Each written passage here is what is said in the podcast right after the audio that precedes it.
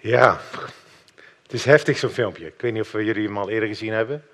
Maar het is, uh, ik vind iedere keer als ik hem zie, raakt het mij enorm. Deze meneer heeft waarschijnlijk meer dan 70 mensen vermoord. Hij is voor 48 of 49 is hij veroordeeld. En dan komt er een vader die zijn dochter verloren heeft aan deze man. En die staat op. En die vergeeft deze man. Die zag ook dat de meeste ouders dat echt niet konden. Uh, die konden bitterheid, de boosheid, de haat, kon je gewoon aflezen op, hun gezicht. En, ik kan me ook heel goed voorstellen. Zo'n man heeft je kind weggenomen. Probleem als je niet vergeeft, en ik denk dat je dat ook wel kon zien in het verschil tussen, tussen deze twee mensen, is dat je dan eigenlijk twee keer slachtoffer wordt. Ik weet nog heel goed dat twintig jaar geleden, nog langer denk ik, dat een vriend van mij doodgereden werd door, door, door een automobilist. En dat ik heb zitten wachten en wachten tot die man een keer schuld ging bekennen of sorry ging zeggen. Of, of iets ging doen waardoor hij verantwoordelijk gehouden werd. En het gebeurde niet. En dan ben je niet alleen geraakt door, door de, de pijn van het verlies van iemand, maar blijf je rondlopen met boosheid. Ben je twee keer slachtoffer omdat je aan het wachten bent tot die ander sorry zegt om erkenning te krijgen. En dat gebeurt niet. Vanochtend wil ik met jullie over dit onderwerp praten. Over vergeving, aan de hand van het filmpje. En over verzoening, aan de hand van het leven van Jacob. En voor mij is dit een superbelangrijk onderwerp om met elkaar over te hebben en over na te denken, ook de komende weken. Want iedereen hier krijgt hiermee te maken in zijn leven, vroeg of laat. Want we zijn allemaal mensen. En we gaan allemaal met andere mensen om. En dan gaan er dingen soms mis. En dan moeten we leren om elkaar te vergeven. En dan moeten we leren om weer te verzoenen met mensen met wie het moeilijk gaat. Met, met familie, met ouders, zusjes, broertjes. Misschien een buurman, vrienden, ex-vrienden. Met collega's op het werk als daar dingen mislopen. En soms zelfs met wildvreemden, zoals in dit geval. En de vraag vanochtend is, met wie mag jij verzoenen? Wat is jou aangedaan ooit in je leven? Door wie? En wie mag jij vergeven? Mag, en met wie mag jij je verzoenen vandaag? En het is super makkelijk voor mij om hier te staan en een mooi praatje te houden met vijf punten vergeving, vijf punten verzoening. En we gaan allemaal met meer kennis naar huis in ons hoofd. Maar de bedoeling vanochtend is echt anders. De bedoeling is dat dit onderwerp ons raakt, ons hart raakt. Dat God tot je kan spreken vanochtend door de beelden die je gezien hebt, door de muziek zometeen. En je heel duidelijk mag maken wie die persoon is die jij mag vergeven. En waarvoor. En ik snap dat het kei persoonlijk is. Ik snap dat dit ontzettend moeilijk is. Ik geloof niet dat deze meneer, de dag nadat zijn dochter vermoord was, dat hij opstond en zei, oh ik ga deze meneer vergeven. Ik denk dat dat een heel proces is geweest tot het moment dat hij daar kon staan en dit kon zeggen. Maar mijn hoop is dat we dit, dat dit wel meer wordt dan een theoretische uitleg vanochtend. En ik wil eerlijk zijn hierover. Dat is natuurlijk altijd een goed idee als je voorganger bent, dat je eerlijk bent. Maar als ik naar mezelf kijk en naar zo'n onderwerp, dan twijfel ik of ik de kracht heb om te doen wat die man deed. Daar twijfel ik over. En ik hoop dat ik er nooit achter kom. Dat ik nooit in die positie kom dat ik dit hoef te doen. Ik weet het. Ik ken de theorie. Ik ken het filmpje. Ik zie wat daar gebeurt. Ik zie de kracht van vergeving. Dat je een moordenaar in zijn hart raakt door vergeving. Maar toch is het kei moeilijk. Zoals gezegd, ik begin met vijf punten die ik eigenlijk uit het filmpje wil halen. Die gaan over vergeving. En daarna wil ik het hebben over verzoening, want dat zijn twee verschillende dingen en we halen ze vaak door de war. Ik zei net al, ik heb zitten wachten totdat iemand sorry zei voordat ik hem wilde vergeven. Dat hoeft helemaal niet. Vergeving sowieso meteen zien. Vijf punten. Want wat is vergeving? Volgens de Vandalen, dat kan je gewoon opzoeken, staat vergeving is het niet langer aanrekenen. Genade, kwijtschelding. En wat hier heel bijzonder aan is, is dat het actie is van één persoon. Ik reken jou iets niet aan. Ik geef je genade. Ik scheld jou iets kwijt. En heel vaak denk je, als, ik ook, als jij mij iets aandoet, dan blijf ik wachten totdat je sorry zegt. En dan vergeef ik je wel. Maar volgens deze definitie uit de Vandalen is dat helemaal niet nodig. En kan je iemand vergeven zonder dat die persoon daarom vraagt? Dat filmpje zagen we dat. Ik geloof niet dat meneer Ridgway sorry heeft gezegd, ooit, voor wat hij gedaan heeft. En toch werd die vergeving geschonken, kwijtgescholden, als cadeau van die vader. You are forgiven, sir. En hij brak. En dat maakt het zo krachtig. Dus vergeving is van één persoon. Ten tweede vind ik ook heel belangrijk om te zeggen: vergeven betekent niet vergeten. Soms halen die dingen door elkaar. In het Engels zeggen ze de term to forgive and forget. Ik denk dat dat helemaal niet praktisch is. Hoe ga je dit ooit vergeten? Hoe ga je vergeten dat jouw kind iets aangedaan is? Soms hoor je wel eens, God vergeeft je voor wat je gedaan hebt en dan vergeet hij het. Dat kan niet waar zijn. Dat zou betekenen dat ik dingen weet die God niet meer weet. Want God is het vergeten en Maarten weet het nog. Dat kan niet. God is alwetend. Wat wel waar is, is dat God ervoor kiest om er niet, die dingen niet te gedenken. Hij staat er niet bij stil. En dat kunnen wij ook. Als we iemand vergeven, kiezen we ervoor om die dingen niet meer te gedenken. Om er niet meer op terug te komen. En als het terugkomt in onze eigen gedachten, dan mogen we opnieuw vergeven. Maar we gaan geen oude koeien uit de sloot halen. We staan er niet bij stil. Mijn derde punt, ik moet ook zeggen trouwens, ik heb ooit een keer een preek gehouden over vergeven, die duurde een uur en er waren tien punten. En ik probeer nu in vijf minuten jullie uh, een samenvatting te geven van vijf punten, dus het gaat misschien wat snel, maar het staat daarom ook achter mij op de beamer. Mijn derde punt is, vergeven doe je ook niet pas op het moment dat het geen pijn meer doet. Of omgekeerd, is het ook niet zo dat je, als je iemand vergeven hebt, dat je daarna geen pijn meer mag voelen. Vergeven is onderdeel van een proces. Een proces van genezing. Een proces om minder pijn te gaan voelen. En het zal helpen, maar soms blijft de pijn tot het einde van je leven. Ook belangrijk, als we iemand vergeven, betekent het niet dat we goedkeuren wat die ander gedaan heeft. Of dat we niet meer het recht mogen laten gelden, laten spreken. Dat is heel belangrijk. Soms denken mensen, ik heb jou vergeven, dus ik mag niet meer naar de politie. Je ziet het gebeuren. Soms mensen, ja, we hebben, we hebben met elkaar afgesproken dat die persoon vergeven is, dus we hebben geen aangifte meer gedaan. Maar die twee dingen staan helemaal los van elkaar. Gary Ridgway gaat de rest van zijn leven achter tralies. En dat is maar goed ook. Ondanks dat hij vergeven is. Vergeven is dat jij het de ander niet aanrekent. Niet dat er geen recht gesproken mag worden. Als iemand iets ernstigs gedaan heeft, als iemand iets tegen jou gedaan heeft wat tegen de wet is, dan moeten we naar de politie. En het laatste punt, en daar gaat de rest van de dienst over. Vergeving en verzoening zijn twee verschillende dingen. Ze zijn niet hetzelfde. Verzoening betekent namelijk, volgens de Vandalen, dat je de vijandschap laat eindigen tussen jullie beiden. Het is het begin van een herstel van een relatie. En dat kan je niet alleen doen. Waar vergeving van één kant komt, ik kan jou vergeven en jij weet er misschien helemaal niks van af, komt verzoening altijd van beide kanten. Dan wil ik met dus dit in ons achterhoofd, dit verhaal, deze vijf punten die ik net liet zien. Laten we gaan kijken naar het verhaal van Jacob.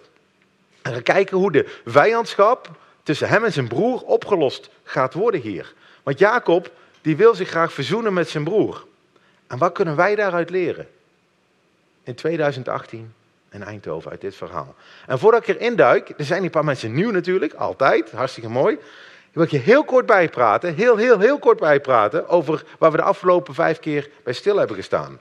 Jacob was een, de helft van een tweeling. En die twee jongens hadden ruzie, Jacob en Esau, zijn tweelingbroer. Esau was de oudste, Jacob was de jongste. Met een aantal minuten, denk ik. En die ruzie liep zo uit de hand dat Jacob uiteindelijk is moeten vluchten van zijn ouderlijk huis. En hij is gevlucht naar de boerderij van zijn oom in het land ver weg. En op die boerderij ontmoette hij de geweldig knappe Rachel. En hij werd verliefd. En heeft zeven jaar moeten werken voor Rachel. Alleen, toen, hij, toen zover kwam na zeven jaar dat ze mochten trouwen, heeft zijn oom de twee meiden, zijn twee dochters, omgeruild. In de diep van de nacht, was donker denk ik, heeft die knappe Rachel omgeruild voor lelijke Lea. Met als gevolg dat Jacob opnieuw zeven jaar kon gaan werken, nog steeds voor de hand van Rachel. En na veertien jaar heeft hij uiteindelijk zich getrouwd met twee vrouwen, eentje van die hout, eentje die hij erbij kreeg. Hij werkt nog zes jaar om zijn, om, om, om, voor, voor geld, voor, voor vee. En twintig jaar zijn voorbij. En hij weet, ik heb mijn broer ooit bedrogen.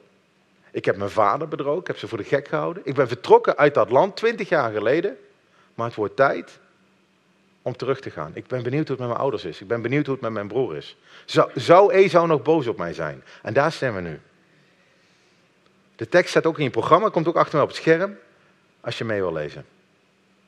Ze zijn onderweg met kamelen en met, met vrouwen, kinderen, een hele club mensen. En Jacob sloeg zijn ogen op en zag, daar kwam Esau. Met 400 man bij zich. Moet je je voorstellen. Daar komt hij, met 400 man. Wat zou Esau van plan zijn? De laatste keer dat ze elkaar gezien hadden, wilde Esau hem vermoorden. Komt hij nu ook om zijn hele gezin uit te moorden? Of komt hij in vrede? Jacob weet het niet. Hij weet wel dat hij het graag goed wil maken. Dat hij wil verzoenen met zijn broer Esau. Maar hij weet niet of het van beide kanten komt. En daar moet hij rekening mee houden. En dat is meteen mijn eerste punt. Soms is verzoening niet mogelijk. En moet je daar rekening mee houden dat het niet kan. Paulus, dat is een man die aan het begin van de jaartelling een hoop kerken stichtte, ook in Europa. Die schreef in een brief aan zijn vrienden in Rome. Zei die leef zover het mogelijk is, zover het van u afhangt, in vrede met alle mensen. En dat vind ik heel mooi, dat bijzinnetje. Er staat niet leven in vrede met alle mensen, want soms kan dat gewoon niet.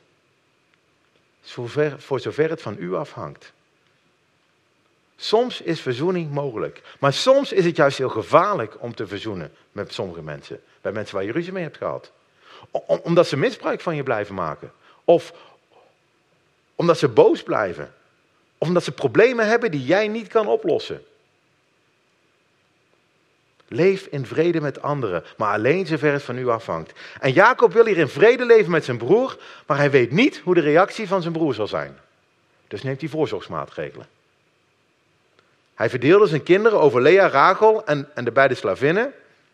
Hij zette de slavinnen vooraan en de kinderen. Dan zet hij Lea erachter. En zijn knappe Rachel, zijn lieveling, die zet hij achteraan. Jozef en Rachel, Jozef de zoon van Rachel, zet hij achter, terwijl hij zelf voor hen uitging. Heel slim. Hij verdeelt zijn familie in groepen. Want, stel dat Ezel hen toch wil aanvallen, misschien dat er een groep kan ontsnappen. Hij beschermt zijn gezin. Rachel gaat achteraan. Die heeft de grootste kans om te ontsnappen. Maar Jacob gaat voorop. En dat vind ik wel heel mooi. Er is iets veranderd in zijn leven. Als je de afgelopen weken bent geweest, dan weet je dat ik niet zo'n hoge pet op had van Jacob.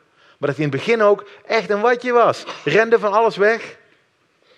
Ging alle confrontaties uit zijn weg. Leefde tot zijn zeventigste bij zijn, bij zijn moeder in huis.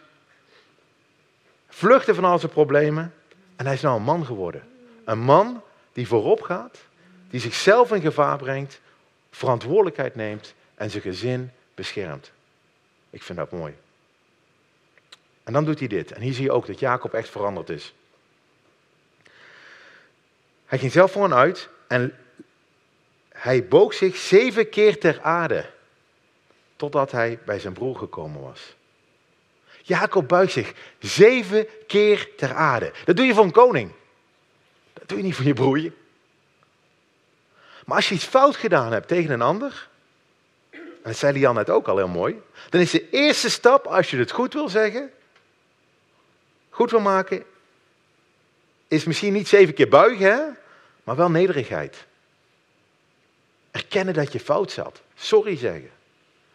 Je bekeren, je omdraaien van wat je deed teruggaan naar de weg waarop je wil gaan. En niet goed praten wat je fout hebt gedaan. Geen excuses maken. Nederig zijn.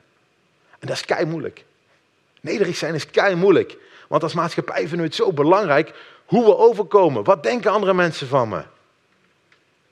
Als we moeten toegeven dat we iets fout doen, of fout hebben gedaan, dan zouden mensen wel eens wat negatief over, over, mij kunnen denken. Dan moet je toegeven dat je niet zo goed bent als anderen denken dat je bent.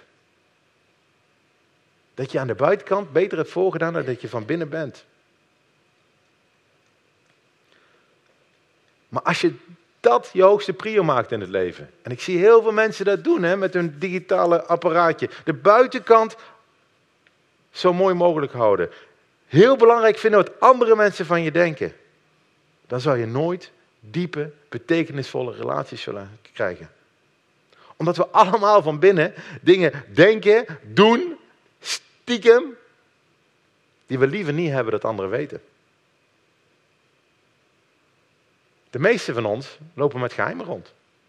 Waar je vrienden of familie niet achter mogen komen. Want wat zouden ze van je denken als ze dat ene wisten? Misschien loop je de kantjes eraf op het werk. Of, of hou je stiekem wat geld achter de hand ergens. Misschien kijk je naar porno terwijl je partner daar niks van mag weten. Misschien heb je een buitenechtelijke relatie. Dat is van alles, allerlei dingen die we kunnen doen. En dan zeggen we Nederland, wat niet weet, wat niet deed. Maar dat is complete onzin. Dat is complete onzin. Want de dingen die je elkaar aandoet, hoe klein dan ook, en of die ander het wel of niet weet, leiden tot afstand, leiden tot verwijdering. En dat merk je meteen. We hebben vijf kinderen. Die kinderen hoeven echt niet te zeggen dat ze iets stoms gedaan hebben. Dat merk je meteen. Ze komen niet meer zo dichtbij. Ze roepen vanaf, hé eh, hey, pap, thuis, hup, weg. En denk hé, waarom krijg ik geen knuffel of een hooi? Of, uh, het is, er zit afstand tussen. Er is iets gebeurd. Je voelt het meteen. Als ik een gesprek heb met mensen die toegeven dat ze iets gedaan hebben, dan voelen ze schaamte en willen ze er eigenlijk niet over praten. Zeker niet met anderen. Maar ik heb iets stoms gedaan. Ja, ga het maar aan je vrouw vertellen. Oh, oh nee, dat, dat, dat ga ik niet doen. Want wat zou die ervan gaan denken? Dat is allemaal een vorm van trots. En trots is het tegenovergestelde van nederigheid, van kwetsbaarheid. En trots leidt nooit tot intimiteit, tot diepe, betekenisvolle relaties. En trots maakt verzoening kei moeilijk. Jacob heeft zijn broer en zijn vader bedrogen. Hij heeft net alsof gedaan dat hij zijn andere broer was. Hij heeft net alsof gedaan dat hij Esau was. Om, om spullen te krijgen. Om een zegen te krijgen. Om de erfenis te krijgen. En de enige manier om weer dichtbij ze te komen, is door dit toe te geven. En door te erkennen dat hij degene was die fout zat. En dat doet hij hier. Door zeven keer te buigen voor Ezo. Als je opgelet hebt, ik weet niet of we het behandeld hebben een aantal weken geleden. De zegen die hij van zijn vader kreeg, was dat zijn broer voor hem zou buigen. En hij buigt nou voor zijn broer. Kijk nu eens naar de reactie van Ezo. Esau snelde hem tegemoet. Mensen in die tijd, mannen in die tijd, die renden niet. Hè? Die liepen op een waardige manier. Kindjes renden, maar mannen niet. Hij snelde hem tegemoet, omarmde hem, viel hem om de hals, kuste hem en ze huilden. Geweldig. Geweldig. Door de nederige houding van Jacob raakt hij Esau in zijn hart. En kan een verzoening plaatsvinden tussen deze twee mannen. Ik weet niet aan wie jij moest denken toen straks. Toen ik zei, wie moet je vergeven of met wie moet je verzoenen? Maar als dit de uitkomst is, dat die ander jou toesnelt, je omarmt, dat je samen mag huilen en misschien ook hopelijk samen lachen, is het dat niet allemaal waard? Dat je weer bij elkaar kan komen? Ik kan je vandaag hier niet beloven dat dat gaat gebeuren. Ik zou willen dat ik dat kon beloven. Maar kan je wel hoop geven dat het mogelijk is.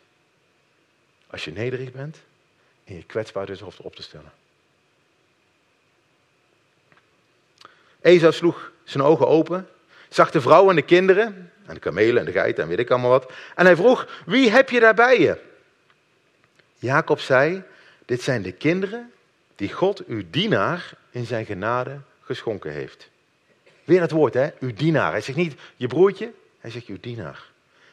En hij pakt ook niet de eer van zijn rijkdom. Esau zegt zo meteen, kijk eens, dit heb ik allemaal bij elkaar verzameld. Kijk eens, hoe, hij zegt niet, kijk eens hoe geweldig ik ben, maar dit heb ik gedaan. Jacob zegt nee, Dit heb ik niet gedaan, God heeft dit gedaan. Niet ik was geweldig, God was geweldig. Niet ik was genadig, God was genadevol. Jacob is echt veranderd.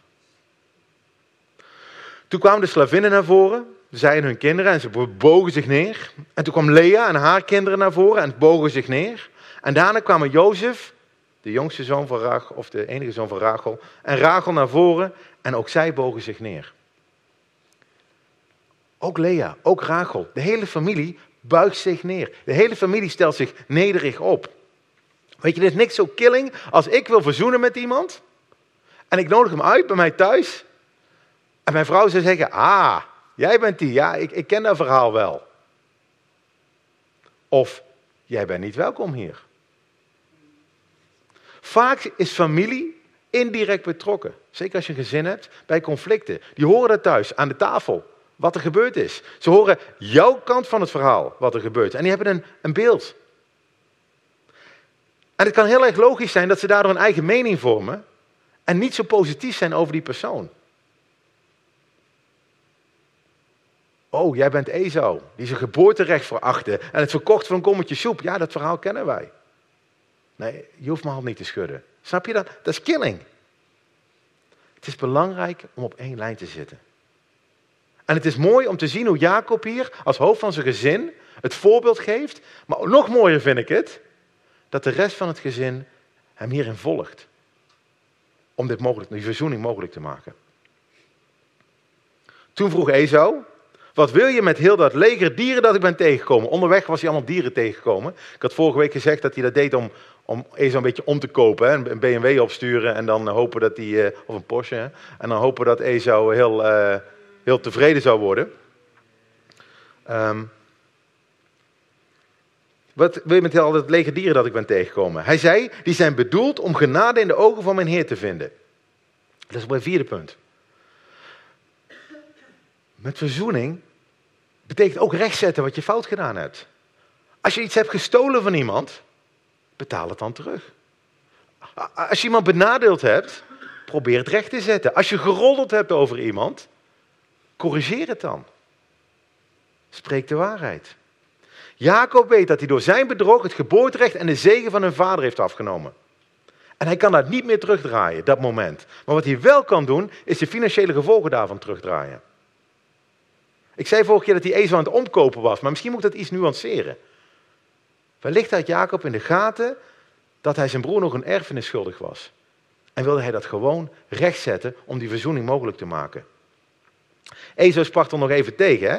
Ezo zei, ik, ik heb al veel, mijn broer. Laat wat je hebt van jou blijven. Maar Jacob zei, nee, als ik toch genade in uw ogen gevonden heb, neem het geschenk uit mijn hand dan aan. Want ik heb uw aangezicht gezien alsof ik het aangezicht van God zag en u bent mij goed gezind geweest. Het is goed gekomen tussen ons. Aanvaard toch mijn geschenk dat, ik u gebracht, dat u gebracht is, omdat God mij dit in zijn genade geschonken heeft. Het is niet van mij, ik heb het allemaal gekregen van God, zegt hij. En omdat ik alles heb, ik heb genoeg. En hij drong zo aan dat hij het aanvaarde. Weet je, als je het echt recht wil zetten, blijf dan aandringen. Stop niet bij de eerste weerstand die je krijgt. Eza zegt, ik heb genoeg. Misschien vindt hij het moeilijk om complimentjes in ontvangst te nemen of om cadeautjes in ontvangst te nemen. Sommige mensen zitten zo in elkaar. Vind het lastig om iets te krijgen. Vind het heel makkelijk om te geven, maar lastig om te krijgen.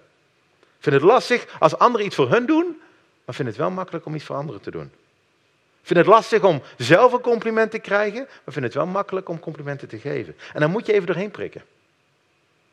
Jacob dringt aan en Ezel aanvaardt, aanvaardt de spullen. En dan gebeurt er iets interessants, vond ik, toen ik dit las. En misschien niet iets waar je over nagedacht had als je ooit over verzoening na had gedacht. Ezo zei het volgende. Hij zei, laten we opbreken en verder gaan en ik zal met je meegaan.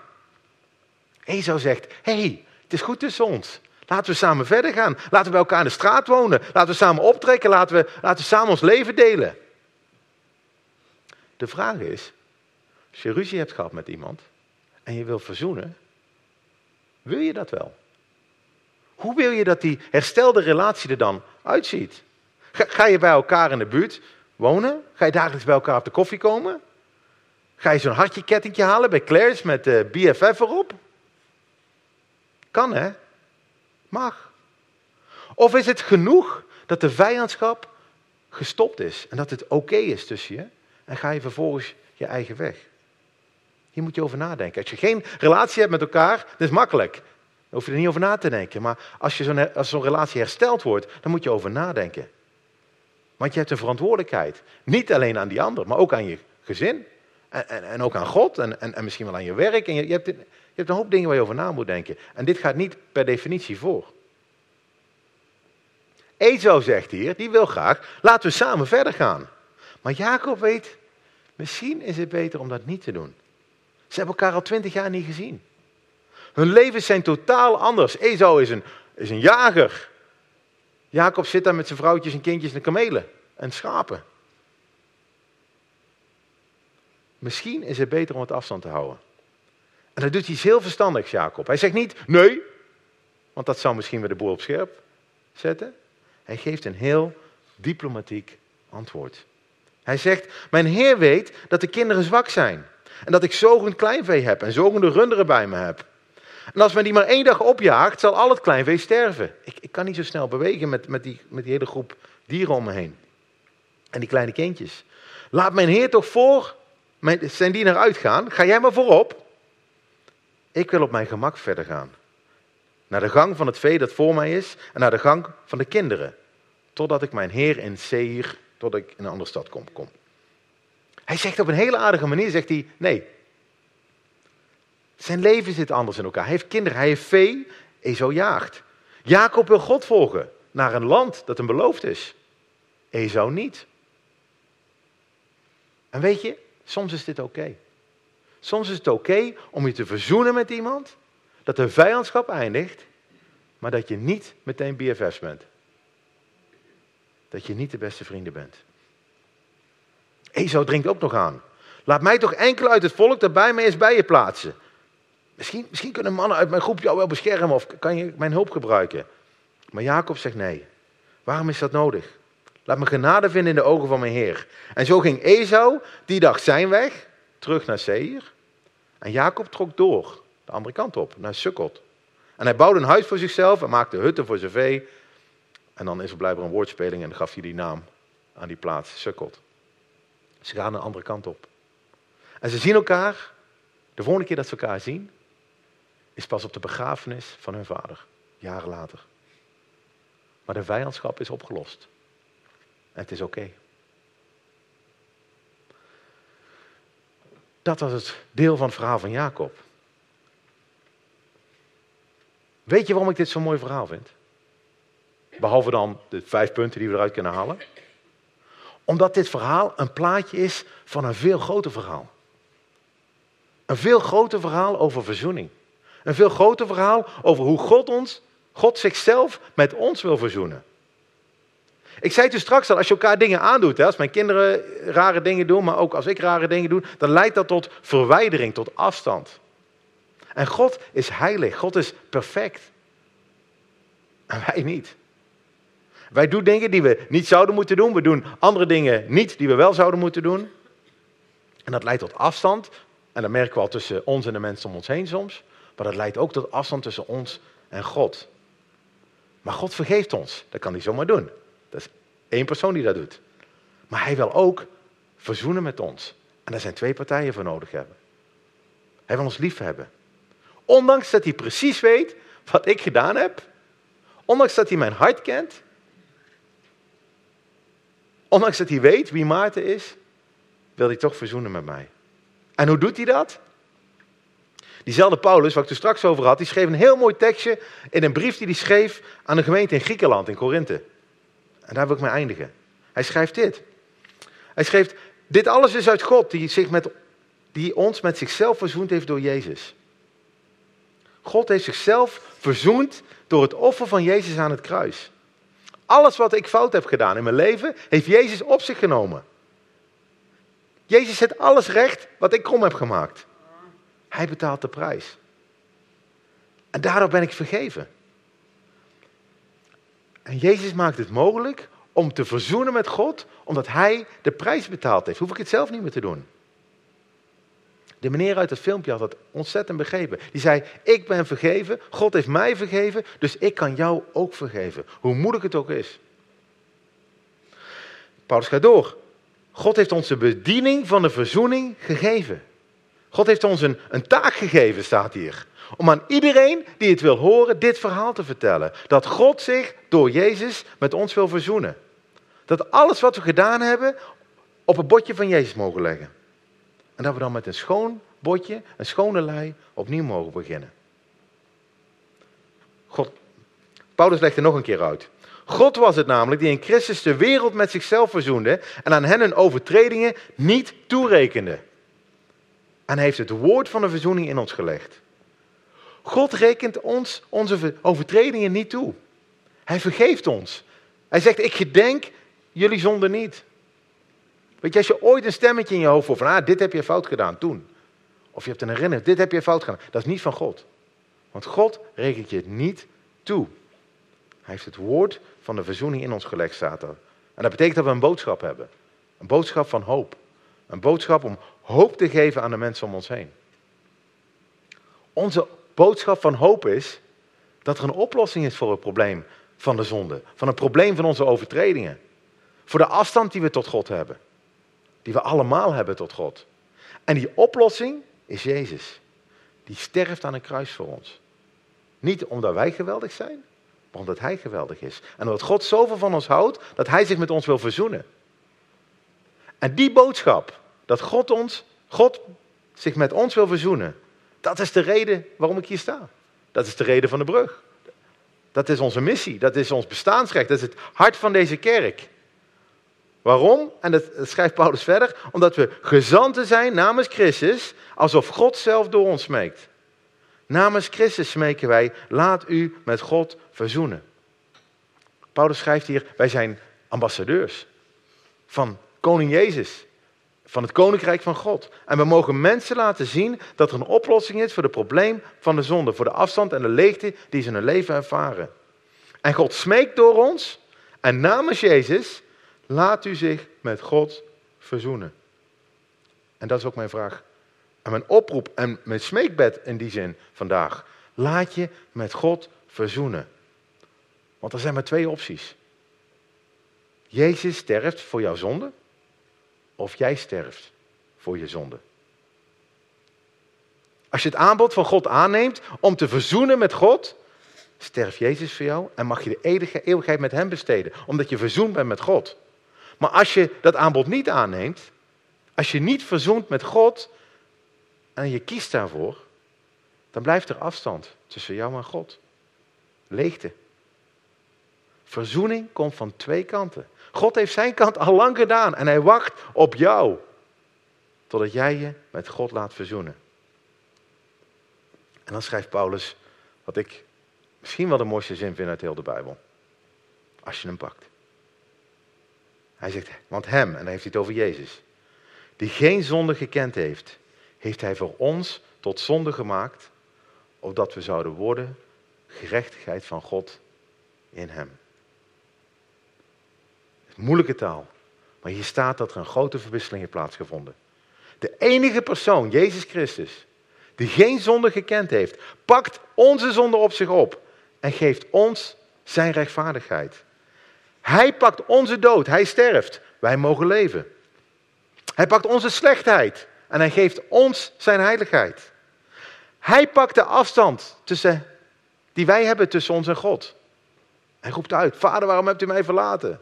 Zodat wij dicht bij God kunnen zijn.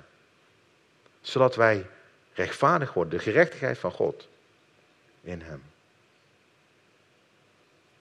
Mijn vraag vanochtend. Nog boven de vraag met wie wil je graag verzoenen of wie moet je vergeven, is deze. Ben je verzoend met God? Ben je dat? Weet je dat zeker? En als je verzoend bent met God, hoe ben je dan ambassadeur van Hem? Gezant. Als het gaat over vergeving en verzoening. Zoals die man in het filmpje duidelijk een ambassadeur was.